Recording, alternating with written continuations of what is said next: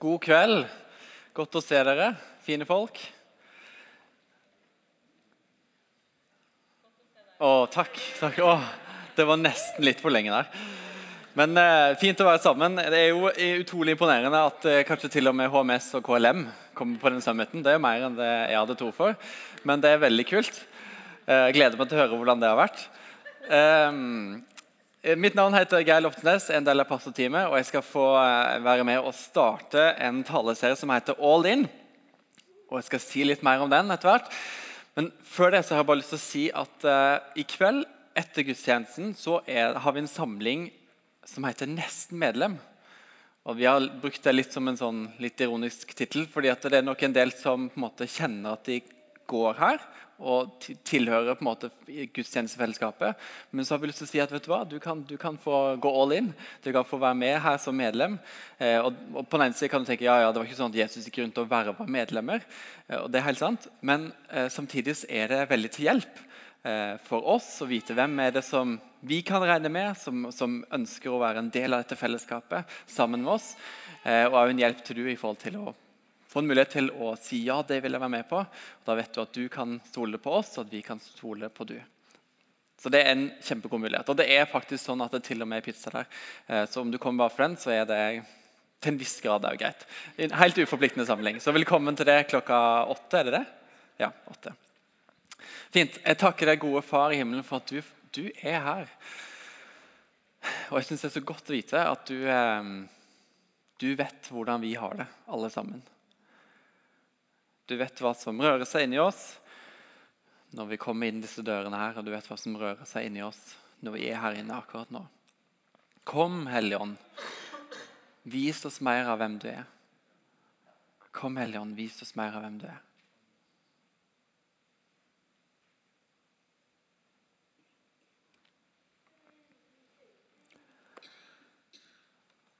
Amen. Kom og følg meg. Kom og følg meg. Kom og følg meg. Disse fire ordene her de hadde enorm betydning når de kom ut av Jesus sin munn. For de som hørte de ordene på den tida han levde her på jorda.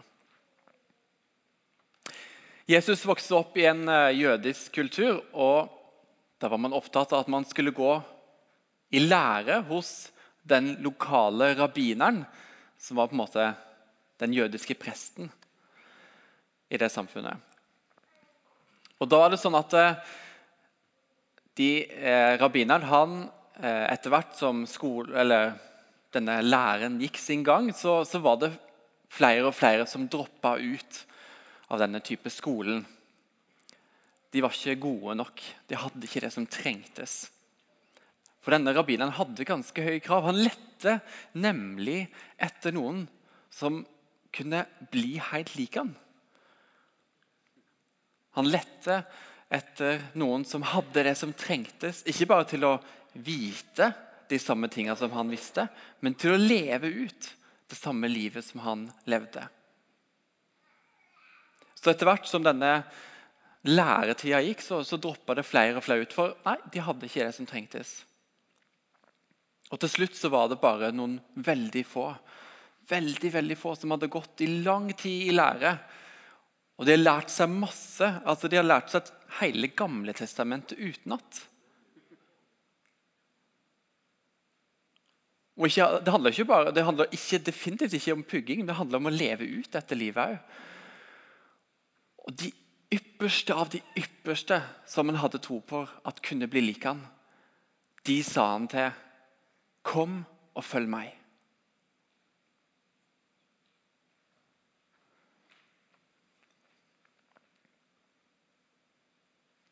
Og de andre som han ikke sa det til, de som etter hvert droppa ut, trinn for trinn, de måtte tilbake til familiebedriften sin. Enten de var fiskere eller snekkere eller bønder eller uh, gjetere eller hva det måtte være.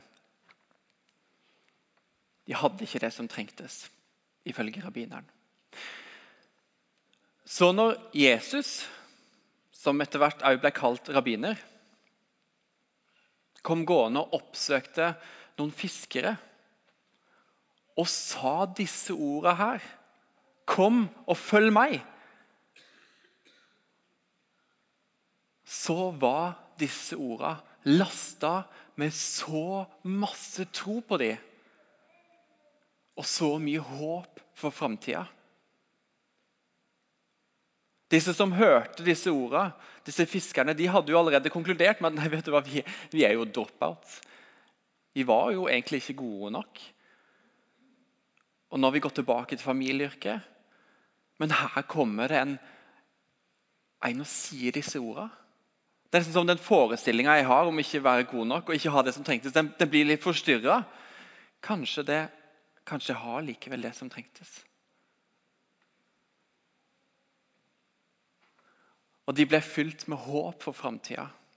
De fikk være med en rabbiner. Og Vi stusser litt over at uh, disse fiskerne som vi leser om uh, i evangeliet Jesus sier til dem, 'Kom og følg meg, så vil jeg gjøre dere til menneskefiskere.' Og så står det 'Straks lot de garnet ligge og fulgte ham'. Og Vi stusser litt over at Hæ? Det høres så rart ut. Her kommer det en fremmed mann gående og så holder du på med det du lever av, og så bare stopper du. og så bare, ok, følg etter. Nesten sånn, det er sånn robotaktige. Det kan være det finnes en bedre robotdans enn akkurat den jeg prøvde på nå. men, men det går bra. Men vi må forstå konteksten. Det er jo nesten som Solskjær kommer inn her og sier vet du hva? Jeg tror du har det som trengs til å være den nye midtbanejuvelen for United. Eller at fotballfruen kommer inn her og sier vet du hva? Du du har det som trengs til å overta bloggen min. For det er jo det vi alle drømmer og lengter etter. sant?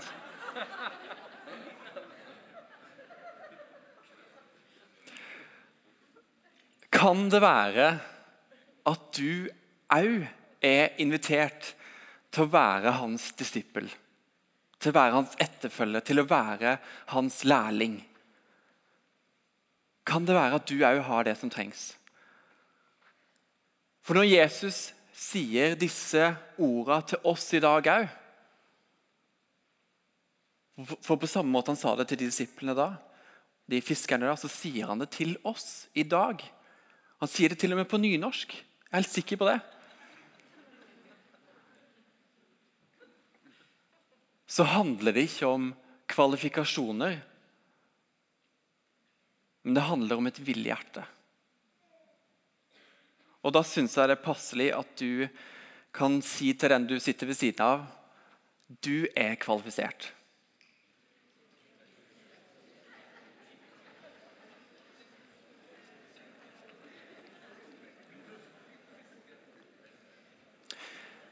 Og det kan være at vi, det er en fare ved at vi har gjort litt, kanskje litt for mye av denne her frelsesbønnen som vi skal be og det at vi skal si ja til Jesus, Det kan være at vi står i fare for ikke å formidle tydelig nok at dette handler jo om en etterfølgelse i hverdagslivet. Det jo, det vi sier ja til, er jo faktisk å følge etter han og være en lærling av han. Det tar jo et øyeblikk å si ja til Jesus. Men noen har sagt at det tar et helt liv å finne ut av hvordan det ja-et skal se ut. Vi blir jo ikke lik Jesus i det vi sier ja til han. Det er ikke sånn overnaturlig poff, og så blir du lik Jesus. Selv om jeg syns det høres veldig kult ut da, hvis det var sånn. Det hadde vært gøy å spurt Gud i himmelen hvorfor gjorde du ikke sånn. Det hadde vært veldig gøy. Men samtidig er det jo litt befriende òg at det er en vandring som vi skal gå. For det å være en lærling, det tar tid. Og det er ikke naturlig at vi skal være på et annet sted enn der hvor vi er akkurat nå. Og det er nesten som ja, igjen, at du er på en vandring eller du går på en fjelltur. Og Så kan det godt være at du tenker at eh, vet du hva, jeg burde vært på denne fjelltoppen der oppe nå. Men det hjelper jo ingenting å tenke det. Du må jo gå den veien. Du må gå den vandringa. Du må følge den stien som leder mot målet. Vi må være underveis. Det er poeng at vi skal være underveis. Jeg er så glad i denne setningen om at eh, Gud tar utgangspunkt i ditt utgangspunkt. Ikke i et sted som du tenker du burde være. Det er ikke sånn at Jesus noen gang tenker at du bør være på et annet sted enn der hvor du er. Nei, Han tar jo utgangspunkt i akkurat der hvor du er nå.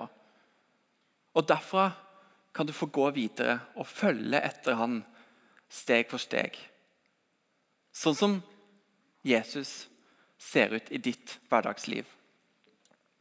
Han vil gå foran deg, og han vil lede deg. Og Noen ganger på denne vandringa så vil det å, være, det å følge etter Jesus, det å være, han, være, hans lærling, det vil kjennes som om at du har Jesus hånd, Jesu hånd i, i ryggen som backer deg. Noen ganger vil det kjennes ut som han, han bærer deg videre på denne vandringa. Noen ganger så vil det kjennes som om stien deler seg litt at du står på valg, så kan du oppdage og se at Jesus går den veien. Og andre ganger igjen så kanskje vi opplever oss helt rådville. fordi kart og kompass gir jo ikke mening, og da kan vi stole på at han, han vil. Han er jo der. Han vil lede veien videre. Og det er jo sånn at Vi kan si at det å følge etter Jesus, det å være hans lærling, alltid er så lett. Av og til så koster det litt. Det er rett og slett litt krevende. Og Da har vi et løfte fra Jesus sjøl, som han sier i Matteus 11. Og han sier, 'Kom til meg, alle dere som strever og bærer tunge byrder, og jeg vil gi dere hvile.' Og Det er ofte at vi stopper opp der, fordi det i seg sjøl er jo et veldig fint løfte. Men la oss gå videre og se hva som står der. Ta mitt åk på dere og lær av meg, for jeg er mild og ydmyk av hjerte. Så skal dere finne hvile for deres sjel. For mitt åk er godt, og min byrde er lett.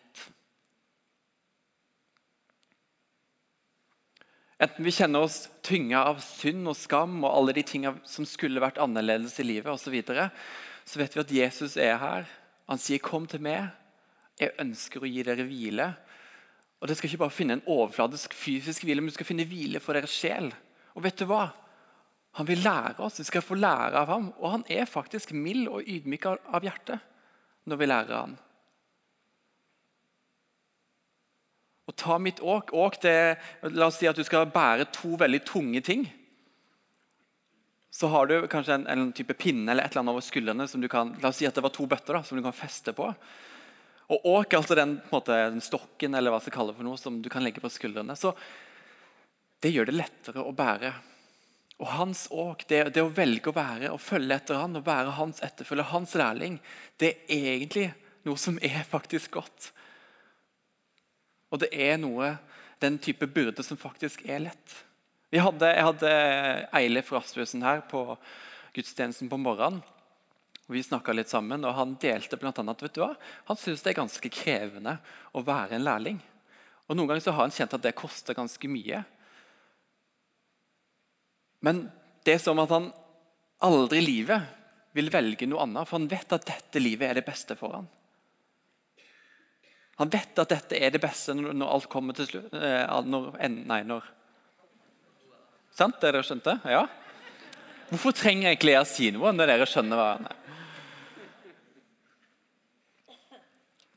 Når vi får følge etter han, og vi får vandre etter han, så, så blir vi mer og mer det vi var skapt til å være.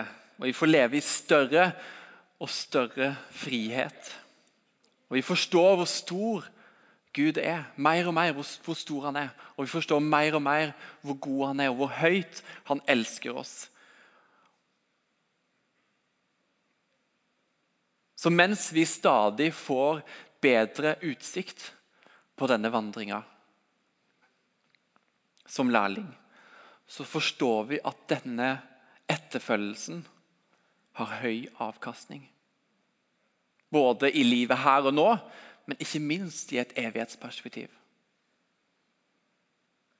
Og Det kjenner jeg i mitt indre at det har jeg så lyst til å si et ja, virkelig helhjerta ja til. Det vil jeg være med på. Jeg vet at det koster av og til. Og Jeg har erfart at det har kostet av og til. Men jeg har fått så stor tillit på at til at han virkelig har det beste livet for meg. At han virkelig er sann. Og da kjennes det nesten som ikke det er et alternativ lenger. For dette her vil jeg ikke gå glipp av.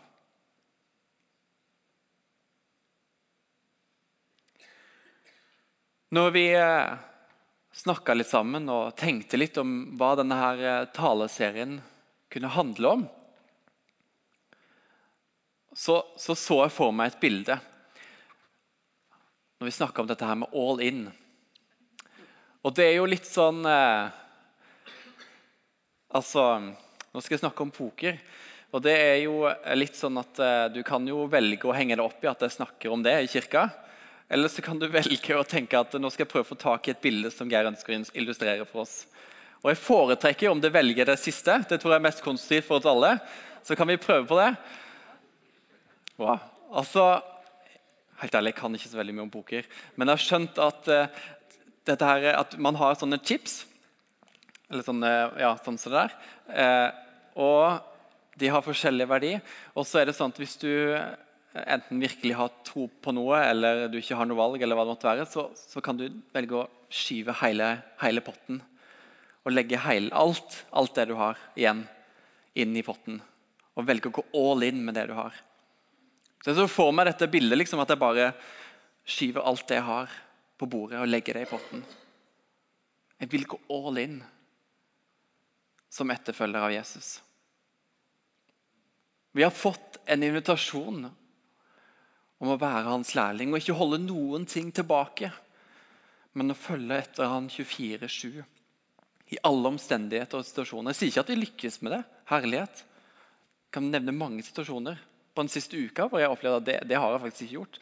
Men jeg snakker igjen om et villig hjerte. Man går all in. Enten det handler om hvordan jeg forholder meg til tida mi, til det fokuset jeg har, tankene mine, hvordan jeg er med andre mennesker, handlingene mine, eller òg det jeg eier og har. Jeg ønsker å gå all in. Legge alt, hele livet mitt, inn i potten.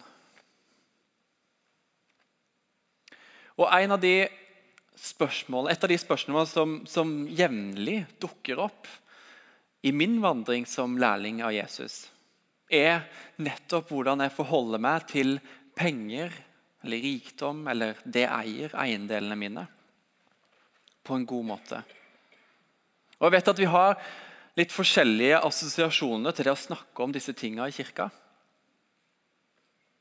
Noen tenker liksom, endelig liksom, det, dette er så spennende å snakke om. Mens andre kjenner kanskje at de har eh, noen dårlige erfaringer rundt dette. Og Det kan være litt sånn krevende felt å navigere i. Og da har Jeg lyst til å si på den ene sida, jeg vet at det er kristne ledere som, som har misbrukt dette. her, og, og, kan ha blitt beskyldt for å hale inn penger på en eh, overdreven måte.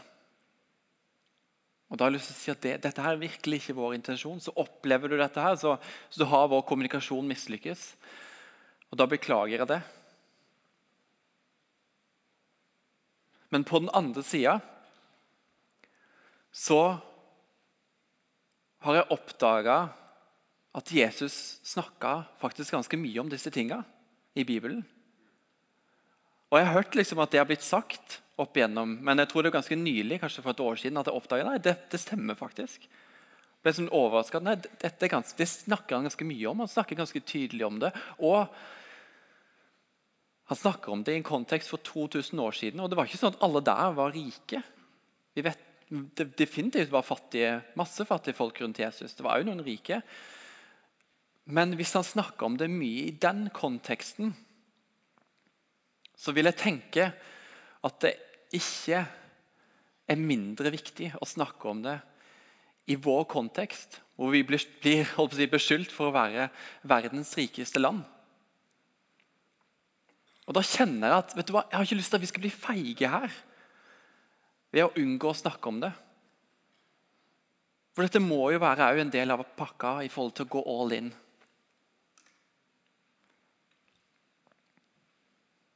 Så Uansett hvilke erfaringer og tanker rundt du har om å, det å snakke om dette her i kirka, så vil jeg si at fokuset vårt er først og fremst at vi er på en felles vandring sammen. Som fellesskap. mot det samme målet å finne ut av hva det vil si å være en lærling av Jesus. Sammen er vi på den vandringa. Kanskje er vi på forskjellige steder og alt det, og tenker litt forskjellig om rundt noen ting. Det er ikke farlig i det hele tatt. Men vi, vi er på den vandringa sammen, hvor vi ønsker å finne ut av hva, hva, det betyr for noe. Og da er en av de tinga som dukker opp på denne vandringa, er bl.a.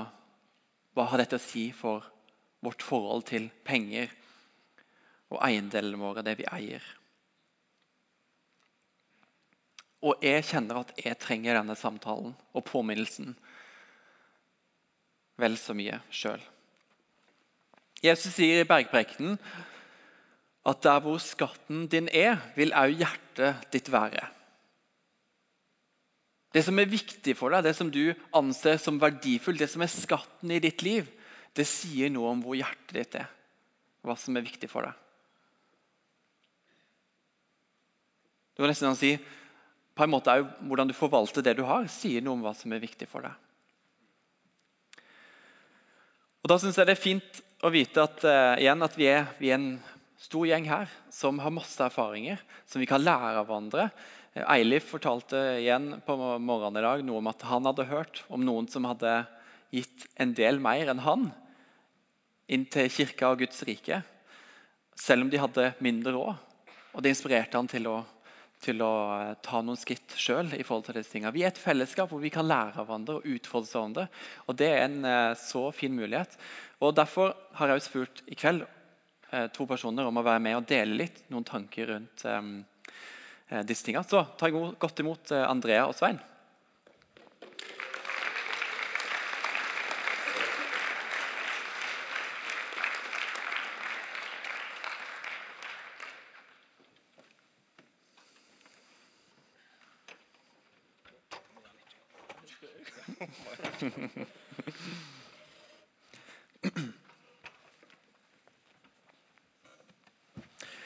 Så bra. Du, jeg vil begynne med du, Svein.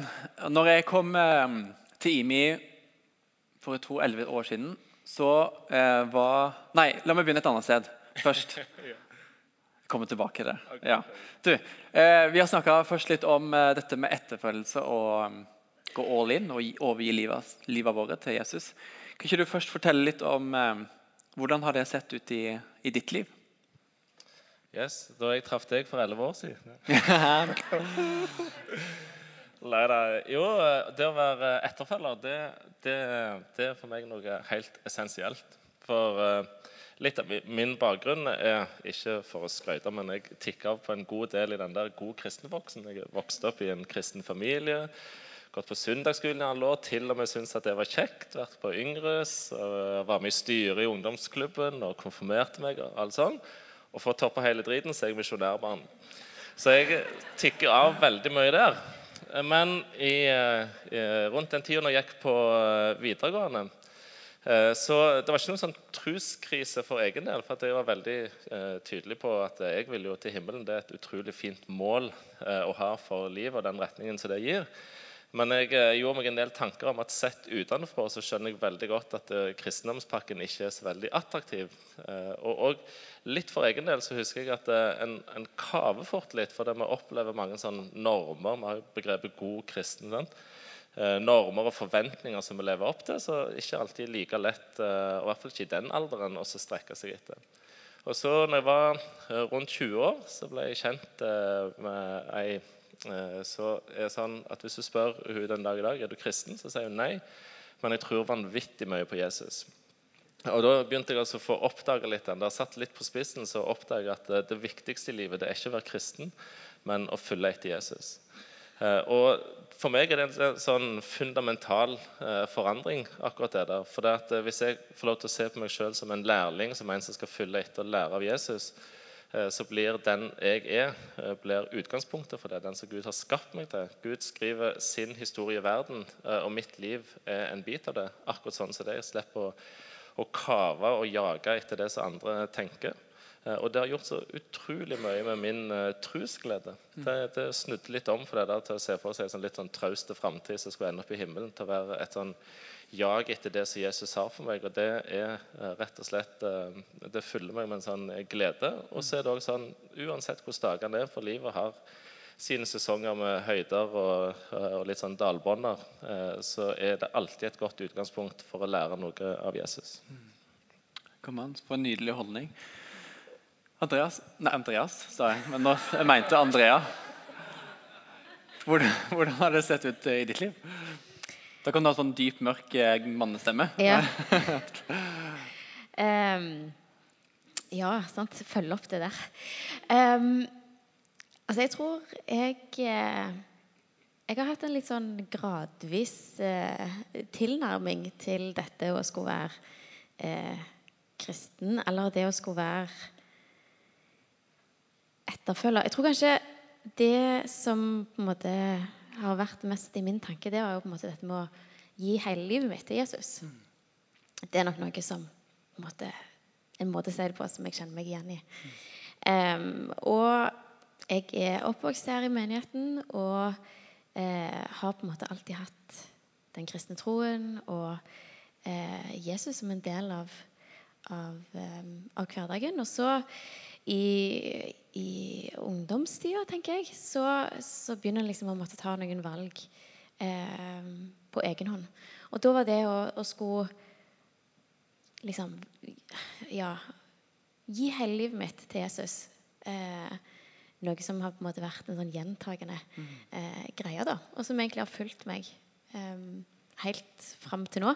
For det er jo stadig ting i livet som jeg trenger å gi til Jesus. Eh, og det uh, Ja, det er en vandring. Så flott. Nå kommer jeg til dette her, Svein. Nå har du gleda deg. Ja, For elleve år siden, når jeg kom til IMI, så uh, var du den i den vennegjengen jeg var i, som um, snakka mest om penger. og mest utfordrende om penger. Utfordra mest på det som hadde med penger å gjøre. Og så var du samtidig den som jeg kjente da som tjente mest penger. og det syns jeg er en veldig nydelig kombinasjon. Tenk at det var sånn. Eh, så du har alltid vært et forbilde på det med både å ha reflekterte tanker rundt det, men òg å leve ut et raust liv. Kan ikke du fortelle litt om noen av de eh, tinga som Gud har vist du rundt eh, dette som har med penger og økonomi å gjøre, i forhold til å være en etterfølger? Var det noe jeg skulle si det der med, så du sier at du har tolka grunntekstene, så sitter det egentlig er 15% og ikke 10 var det? Ja, det var det, ja. Det var nå. Ja. Geir sine nye tolkning. Nei da. Det, det å så gi, eh, det er noe som ligger meg eh, veldig på hjertet. Eh, Fordi at jeg tror ofte Det har fascinert meg litt når en tenker litt over mange sånn, eh, hvordan kristne miljøer og menigheter er. For at når du, når du kommer inn en plass, eller hvis du blir med i en menighet, så er det veldig ofte tilbud om å være med og engasjere seg på forskjellige ting. Eh, Er du flink eh, til å snakke med unger med sånn hånddokker på armen, så er du hjertelig velkommen i barnearbeid. Er du en racer på gitar eller piano, så kan du være med i lovsangsteamet. Er du en administrator som er flink til å holde oversikt, da sitter du i godhetssekretariatet før du vet ordet av det. Og veldig mange sånne ting. Men når det kommer til penger, så er det ofte litt sånn stille. ikke sant? Og så opplever jeg at det ofte er et sånn lite skille. Det, det er litt interessant det der med penger og økonomi, for det, det er noe som er- virkelig er en del av hverdagslivet vårt. Så det holder. Vi, kjøper ting hver dag. Vi, bor. Eh, vi har klær på oss eh, og masse sånn. Og alt det der har et sånn økonomibilde med seg. Og så likevel så opplever jeg at det der er eller sånn, det der, skulle ønske at det var mye mer naturlig at den biten òg var en sånn eh, del av det av troslivet. Så, så er det jo sånn, sant, En gang i året så er det en tale om eh, at det å gi er viktig, og tienden er et bra prinsipp. Og da tror jeg eh, sånn rundt regna ingeniørmessig i hvert fall halvparten fort sitter litt med sånn piggene ute. eller Det blir litt sånn, litt, av og til litt vanskelig å få tak i, litt sånn kavete med givertjeneste. Eh, Jeg har lyst til å dele eh, tre ting som virkelig gjorde eh, enormt mye med, med mitt forhold til, det, til den biten der. Og Det ene det var, det husker sikkert ikke vedkommende, men det var i en pause på et alfakurs. Så sto vi og snakket litt om det vi hadde snakket om, om det å gi.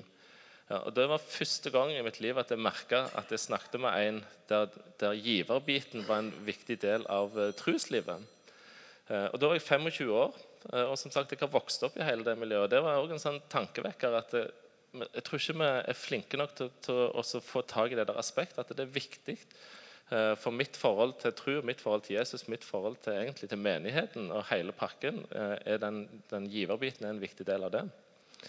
Den andre store opplevelsen det var etter en eh, tale her der vi sto tre-fire stykker og snakket litt etterpå. for han hadde fått, Jeg husker ikke hva det var, vi hadde fått litt pikkende ut. Men så sto vi og, og snakket litt om det, og så fikk alle med en sånn skikkelig aha-opplevelse. For vi kom inn på det og begynte å snakke om at det, det er jo egentlig interessant det der perspektivet med at det, Gud, som vi tror på, er allmektig. ikke sant?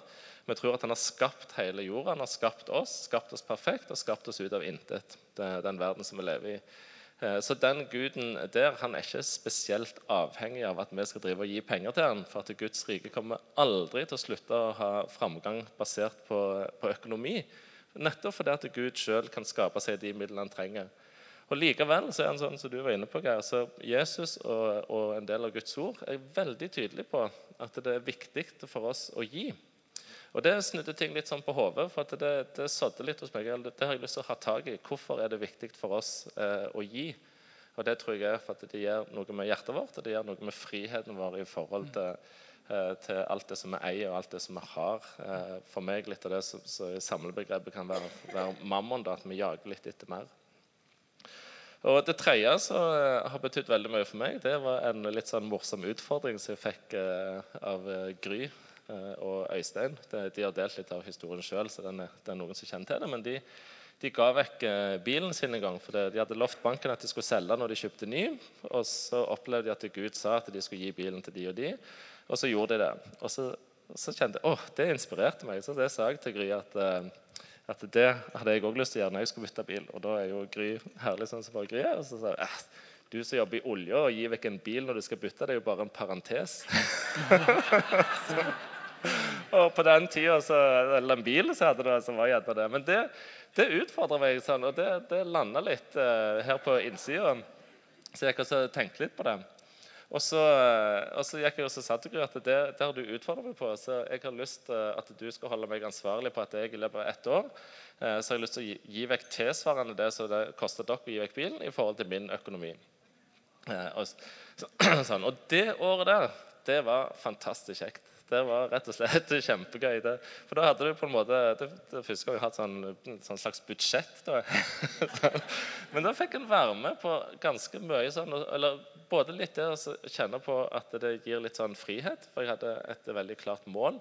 Eh, da, da kosta det litt i forhold til at det ble ikke de eh, sånn kjempe Eller du reiste ikke verden rundt i feriene og, den slags. Eh, det ble en telttur, men det er også for så vidt veldig gøy. Eh, hadde ingenting med poeng.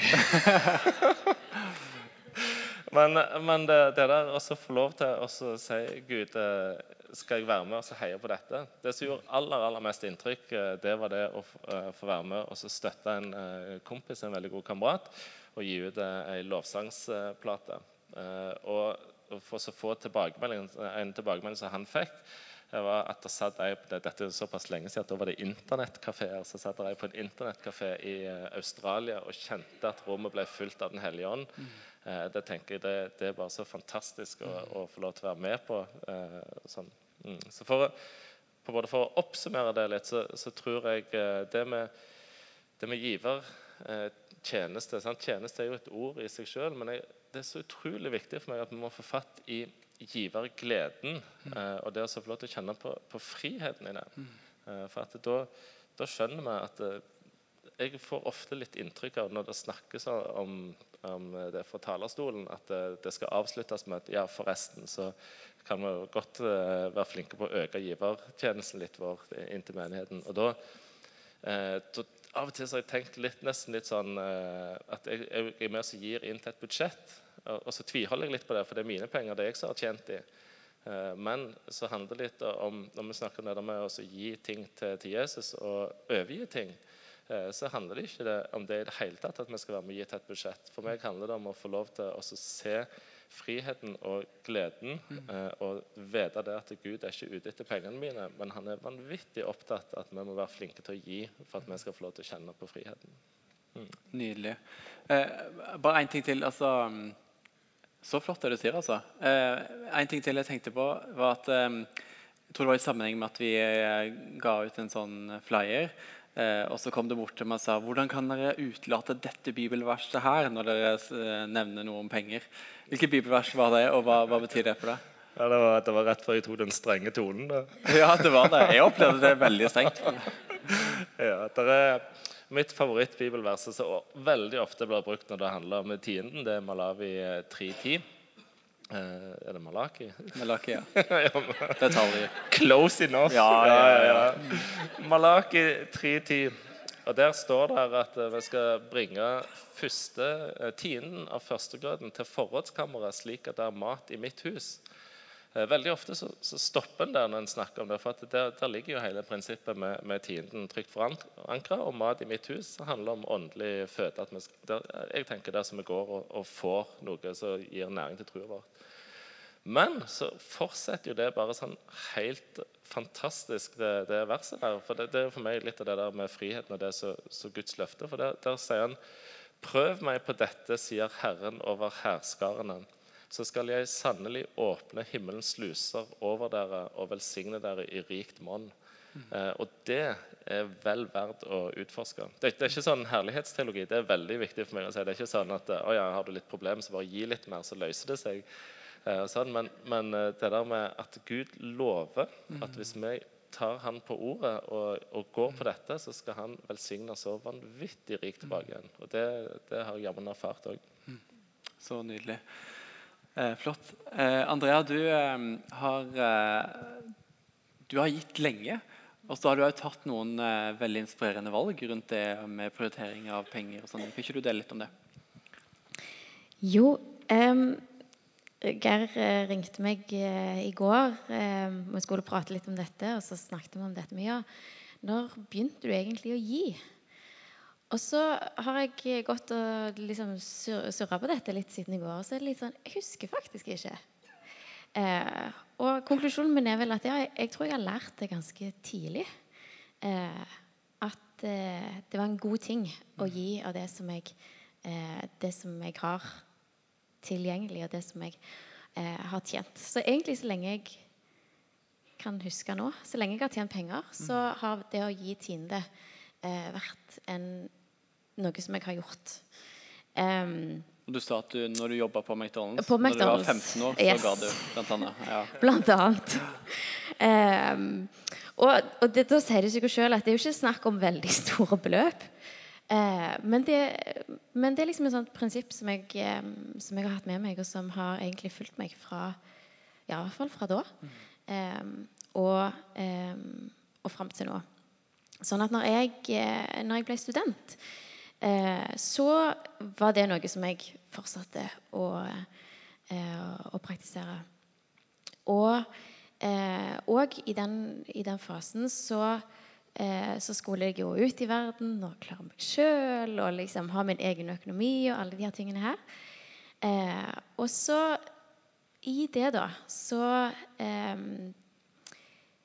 husker ikke om det var jeg som søkte Gud, eller om det var han som søkte meg. holdt jeg på å eller helt hvordan det skjedde. Men jeg fikk i hvert fall en opplevelse av at, det, at når det gjaldt økonomi, så, um, så skulle jeg ta noen sånne litt sånn spesifikke valg um, i forhold til det. Uh, og det betydde at jeg hadde ganske lite penger uh, mens, jeg, uh, mens, jeg, studerte. Men jeg hadde en, en veldig sånn opplevelse av at ja, men dette er for en grunn, liksom. Eh, og jeg tror det var for flere grunner.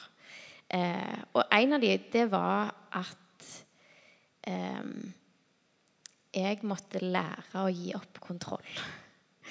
Eh, jeg er sånn skrudd sammen at jeg vil helst ha kontroll. Eh, og det å ehm, Det å skulle lære sånn helt konkret og praktisk. da, Å stole på Gud òg når det gjaldt penger. Og eh, når det gjaldt på en måte hva jeg skulle leve av, og om han kom til å forsørge meg. Det var eh, en så viktig ting. Mm. Eh, og, og, litt sånn som Svein var inne på, så tror jeg ikke egentlig det var pengene mine Gud var ute etter, for det var veldig lite. Mm. eh, men, men, det gjorde noe med, eh, med med hjertet mitt. Eh, og i løpet av den, altså i studieperioden så var det, det var noen ganger når Gud utfordret meg skikkelig til å på en måte gi mye mer enn jeg hadde lyst til. Eh, og det var skikkelig kjipt der og da. Jeg skal være helt ærlig, så var det det. Eh, men, men, det gjorde noe med, med perspektivet mitt på alle disse tingene og pengene som jeg jo faktisk hadde. Eh, og på hva jeg har kontroll over, og hva han skal få ha kontroll over. Eh, og hva jeg skal slippe å ha, eh, ha kontroll på. og og det mitt litt sånn langsmed, eller hva jeg skal si, i den, eh, den prosessen, så eh, fikk jeg på en måte opp øynene for at Oi, alt dette her som jeg har, eh, det er jo hans. Um, og alt det som jeg har, det har jeg jo fått av han. Og det er litt sånn bakvendt, men på en måte med å skulle eh, overgi den delen av, eh, av, livet mitt til han, så, så, ble jeg bare enda mer takknemlig for det som jeg, eh, det som jeg hadde, mm. og det som jeg har. Eh, og det gjør, det gjør, jo at det oppleves ganske annerledes å få lov å gi videre av det som jeg tilfeldigvis disponerer akkurat nå i forhold til å skulle måtte gi av noe som er mitt. Eh, og det har eh, Det har gjort meg veldig godt. Eh, og ja Det gjør jo at det ikke handler egentlig så mye om hvor mye en har eller ikke har, eh, men om å være takknemlig for det som Ja, de små tinga. Altså te til frokost, liksom. Altså. Mm. eh, og på en måte glede seg over det. Eh, og det er en sånn frihet som, eh, som følger med det. Eh, du, du, sparte jo opp en del penger i løpet av studietida, som du opplevde skulle ha en betydning. Så tok du et valg. Fortell uh, kjapt om det. Ja, altså En av grunnene til at jeg eh, gjorde med økonomien sånn som jeg gjorde når jeg var student, eh, det var eh, at jeg opplevde at Gud sa at det skulle du gjøre fordi at jeg har en plan når du er ferdig. og Den planen mm, på en måte innebærer at du må ha den friheten mm. som du følger med, bl.a. ikke ha studielån og sånn. Um, så når jeg begynte å nærme meg slutten på studiene mine, så lurte jeg jo forferdelig på ok, men Gud, men hva, hva er det liksom du har tenkt, da? For jeg så ikke det. Um, og Eh, et år i forveien, kanskje, eller et eller annet sånn. Så hørte jeg om det som da fikk eh, betegnelsen Én dag, som var et eh, arrangement eller initiativ som bl.a. Impuls var med å dra i gang i forhold til engasjement og kamp mot menneskehandel i Norge. Og når jeg hørte det, så tenkte jeg bare ja, det er jo det jeg skal. Mm. Eh, og pga. de valgene som jeg da hadde tatt, og eh, sånn som jeg fikk ordna det med jobb, og at jeg hadde eh, ganske lave utgifter, så greide jeg da å spare opp penger, sånn at jeg kunne jobbe et halvt år eh, et drøyt halvt år for, eh, for en dag mm. etter at jeg var ferdig eh, å studere frivillig.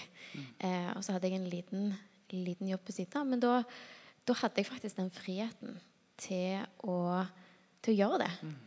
Eh, og til å ikke stresse over at ja, at det, det, ikke kom til å være nok, og, og, alt det der. Og det var utrolig kjekt, og en utrolig velsignelse å få, eh, å få være med på. Mm. Så flott. Takk skal du ha. Kan vi gi deg en eh, god applaus?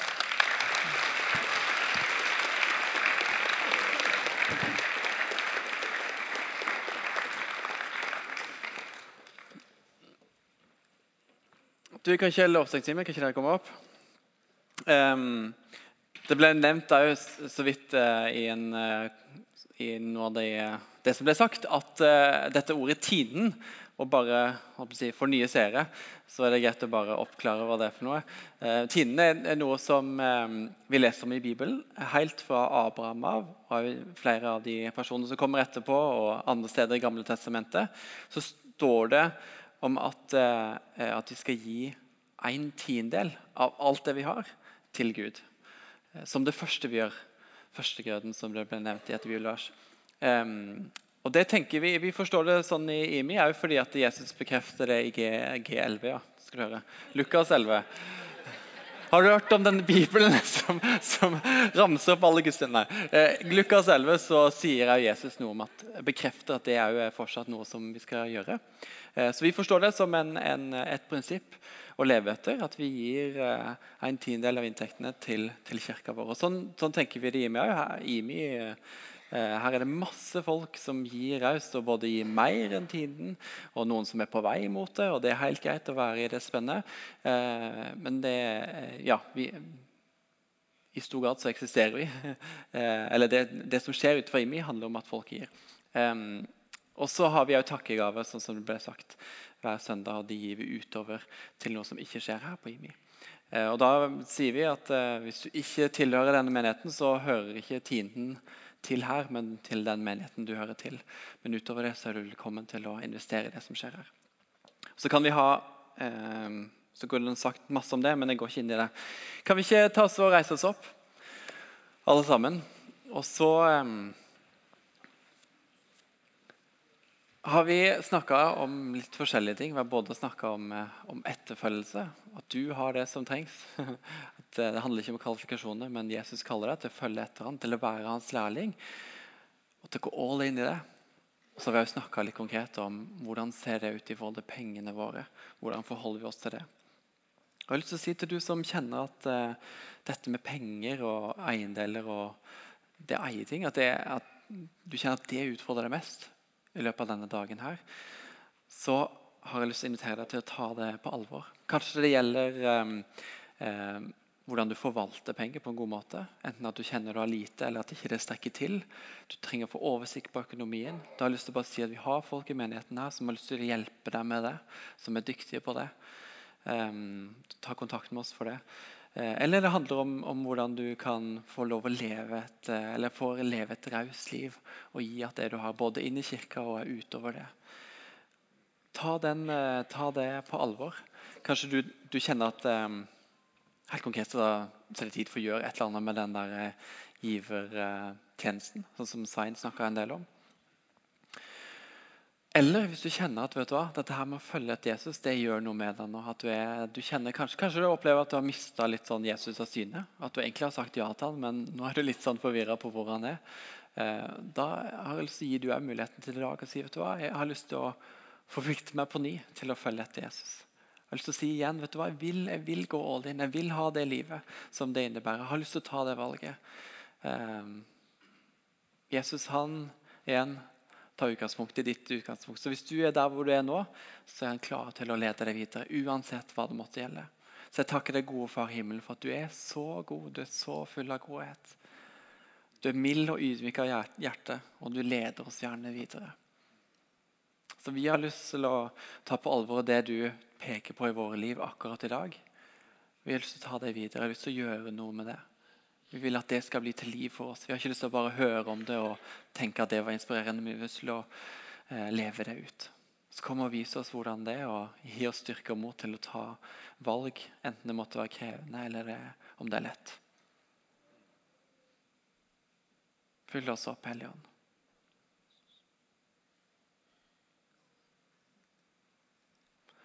Ta, disse, ta, denne samtalen med Gud videre inn i lovsang og eventuelt i huskirke hvis du er en del av det, og fortsett praten rundt dette her.